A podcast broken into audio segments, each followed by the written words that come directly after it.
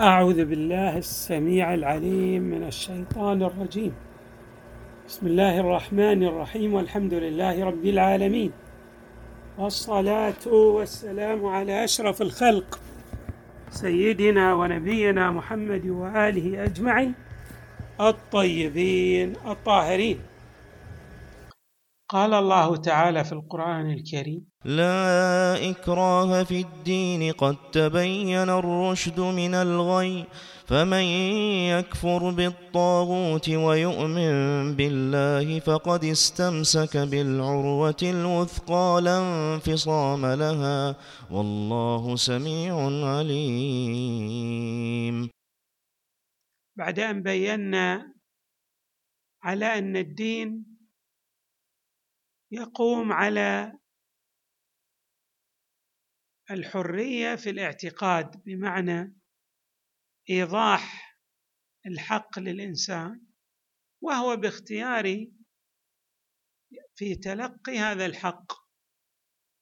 والإنسان إذا أتيح له بعد سماعه للحق ليس هناك عوامل تمنعه عن الأخذ به في الأعم الأغلب إلا من شذت فطرته.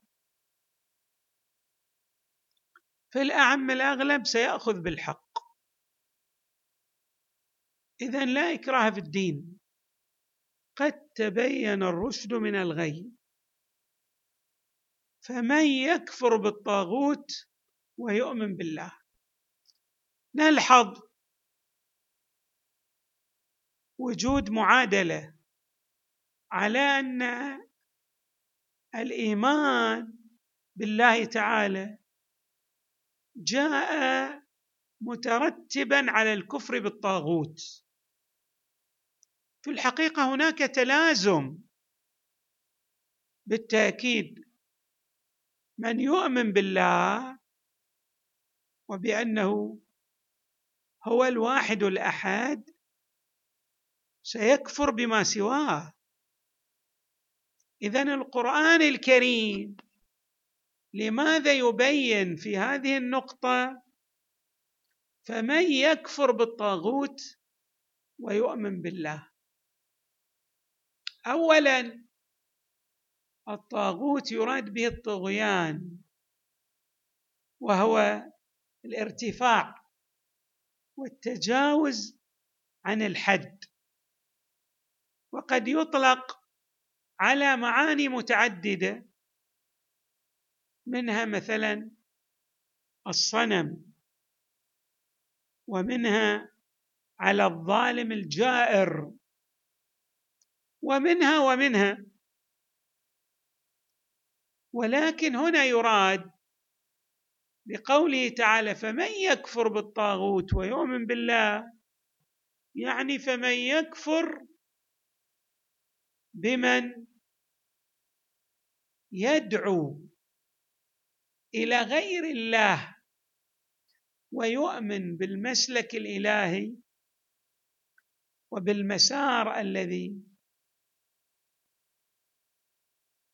يسير في هذا الاتجاه بمعنى يؤمن بالله ولكن يطبق الشرائع الإلهية الذي نسميه بالإيمان العملي الإيمان الحقيقي الذي يتفاعل مع عقل الإنسان وفكره وحركته في مساره على جميع الأصعدة. فمن يكفر بالطاغوت؟ يعني كفر بهؤلاء الذين يدعون إلى غير الله. وتوجه إلى الإيمان بالله وسار على هدي من يدعو إلى الله تبارك وتعالى وهم الرسل والأنبياء والصالحون. فقد استمسك بالعروة الوثقى بمعنى أنه تعلق بماذا بالركن الوثيق الذي لا يمكن أن يخذل صاحبه. لا يمكن أن ينفصل. لا يمكن أن ينقطع. بمعنى تعلق بقدرة الله تبارك وتعالى. تعلق بقوة الله. اذا المعنى الدقيق فمن يكفر بالطاغوت ويؤمن بالله والإيمان يلازمه الالتجاء. يلازمه ماذا؟ الانصهار في حب الله تبارك وتعالى والذين آمنوا أشد حبا لله. يعني أن حبهم إلى الله سيطر عليهم. لازمهم. لم ينفكوا عنه في مسارهم نحو الله تبارك وتعالى. فمن يكفر بالطاغوت يعني يخرج عن الطغيان. ويأخذ بالهدي الإلهي بالإيمان بالله مع العمل بشرائعه فقد استمسك بالعروة الوثقى التي لا تنقطع لا تنفصم لا تخذله. لا انفصام لها ثم يذكرنا الله تبارك وتعالى لماذا تكون عروته أيضا هي الوثقى لأنه هو الذي يسمعنا ويبصرنا ويحيط بنا ويهيمن علينا وهو الذي أعطانا جميع النعم. لا انفصام لها والله سميع عليم. يسمع عباده ويعلم بما تكنه نفوسهم وضمائرهم وما يدور في خلدهم. اذا المعنى عميق. فيه عمق وعمقه يستتبع أن هذا الإيمان بالله. المقترن بالكفر بالطاغوت والطغيان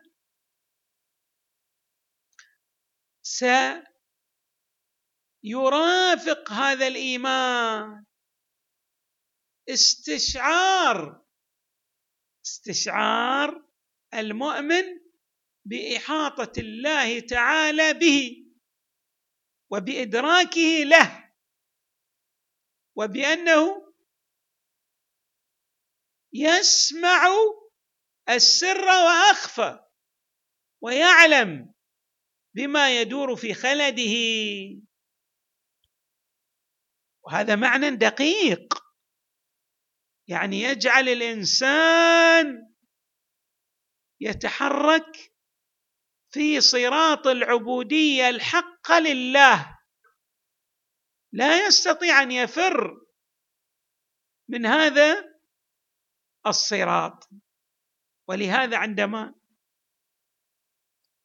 جاء شخص إلى النبي صلى الله عليه وآله أو إلى الحسين عليه السلام وطلب من الحسين أن يعصي الله.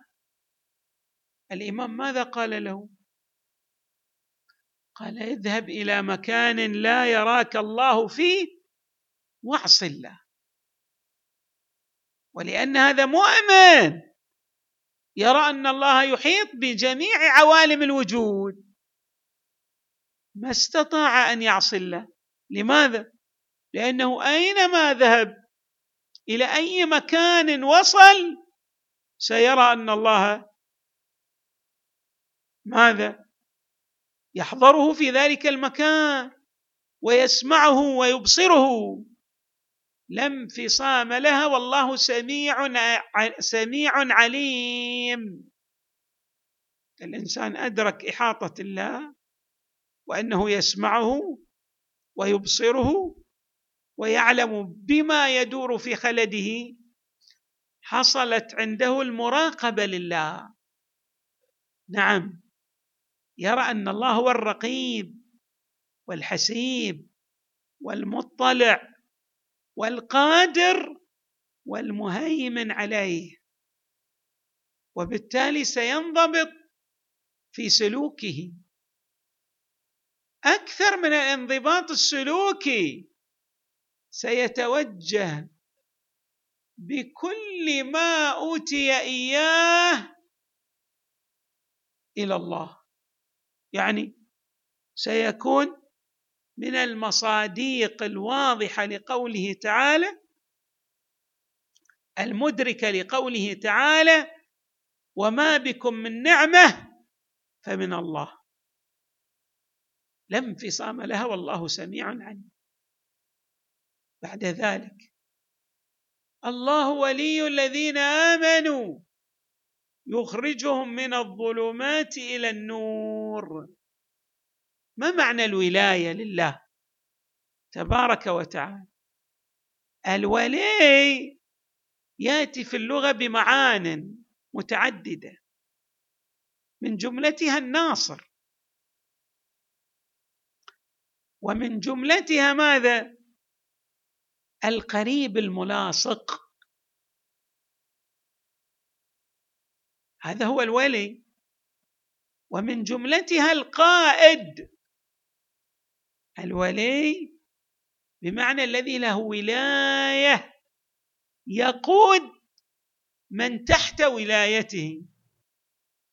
من تحت هذه الولاية يصبح سائرا في اتجاه هذا القائد الولي.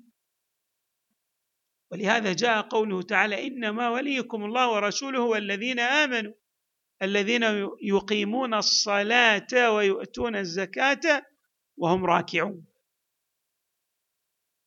هنا أيضا عندما نلتفت إلى قوله تعالى الله ولي الذين آمنوا. بمعنى يقودهم. له القيادة. طبعا نحن نتصور القيادة الإلهية للإنسان من خلال أمرين. من خلال الشريعة التي تجعل الإنسان يدور في فلكها. يحرم ما حرمه الله ويحلل ما أحله الله. دون تعدي. وطبعا لا ينطلق من تلقاء نفسه وإنما ينطلق من فهم ما يريده الله تبارك وتعالى من خلال أخذه من الراسخين في العلم من العلماء من المختصين كما نعبر. اذا هذا هذه الحيثية الأولى. لقولنا أن الله تبارك وتعالى هو الولي. وهناك ولاية اللي هي في الحقيقة المعنى العميق لهذه الولاية الظاهرية. ولعلنا أشرنا إليه فيما فيما تقدم من مباحث بمعنى أن يرى المؤمن أن الله تبارك وتعالى يطلع عليه يرقبه وهو معكم أينما كنتم. فإذا كان يعيش هذا الإيمان العميق هذا الإيمان الذي يسيطر على كل وجوده والذي قد تطلق عليه بعض الآيات بروح القدس وأن هناك يعني ملك من أعظم ملائكة الله يحمل هذا الروح الإيماني الذي يؤيد به المؤمنين بحسب المرتبة الإيمانية التي يصل إليها ذلك المؤمن في إيمانه بالله. الله ولي الذين آمنوا. طيب ماذا يفعل الله بولايته لهم؟ يخرجهم من الظلمات إلى النور من جميع المشاكل التي تمر عليهم في حياتهم. من جميع المآزق من جميع الكرب من جميع المحن. نعم يدخلهم في ابتلاءات ليصلوا إلى كمالهم. ولكن وراء الابتلاء أو وراء المحن هناك منح لأن الله يعلم بضعف العبد فيمده بالطاقة ويعطيه من الخير بما يتاح له أن يتجاوز هذه المحن وأن يتعدى هذه العقبات الكأداء التي تقف في مساره وتتكأده في طريقه. يجتاز بنجاح. الله ولي الذين آمنوا يخرجهم من الظلمات إلى النور. وللكلام تتمه ستأتينا إن شاء الله في هذا المقطع من الآية لأهميته. والحمد لله رب العالمين. وصلى الله وسلم وزاد وبارك على سيدنا ونبينا محمد وآله أجمعين. الطيبين الطاهرين.